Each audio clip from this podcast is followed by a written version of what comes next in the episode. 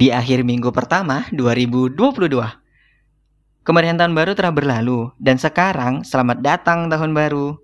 Terima kasih untuk ceritanya selama 365 hari. Terima kasih untuk pembelajarannya di sepanjang waktu itu. Terutama di 31 terakhir 2021. Banyak nih kejadian terjadi di 2021 dan itu cukup memberiku peringatan akan arti sebuah realita. Dari sana aku belajar sadar bahwa dunia berjalan bukan hanya tentangku, tapi juga tentang kamu, dia, mereka, dan semuanya. Dan jika diberi pilihan, aku akan memilih untuk tidak merasakannya dan melaluinya. Namun di akhir perjalanan tadi, aku tersadar bahwa aku tak punya kuasa di hadapan waktu.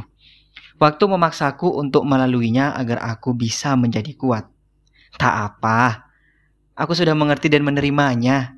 Dan kalau di 2022 nanti waktu menginginkan hal yang sama, aku tak lagi lari dan menangis, tapi akan kusambut dengan baik dan tersenyum. Dan untuk kamu yang pernah berwarna di 2021, kamu gak kehilangan cahayamu kok. Tapi sayangnya gak seterang dulu. Gak apa-apa ya, karena cahaya warnamu sudah kuarsipkan di arsip sendiri. Dan ini bukan tentang melupakan, tapi tentang menerima dirimu menjadi sebuah realita. Terima kasih.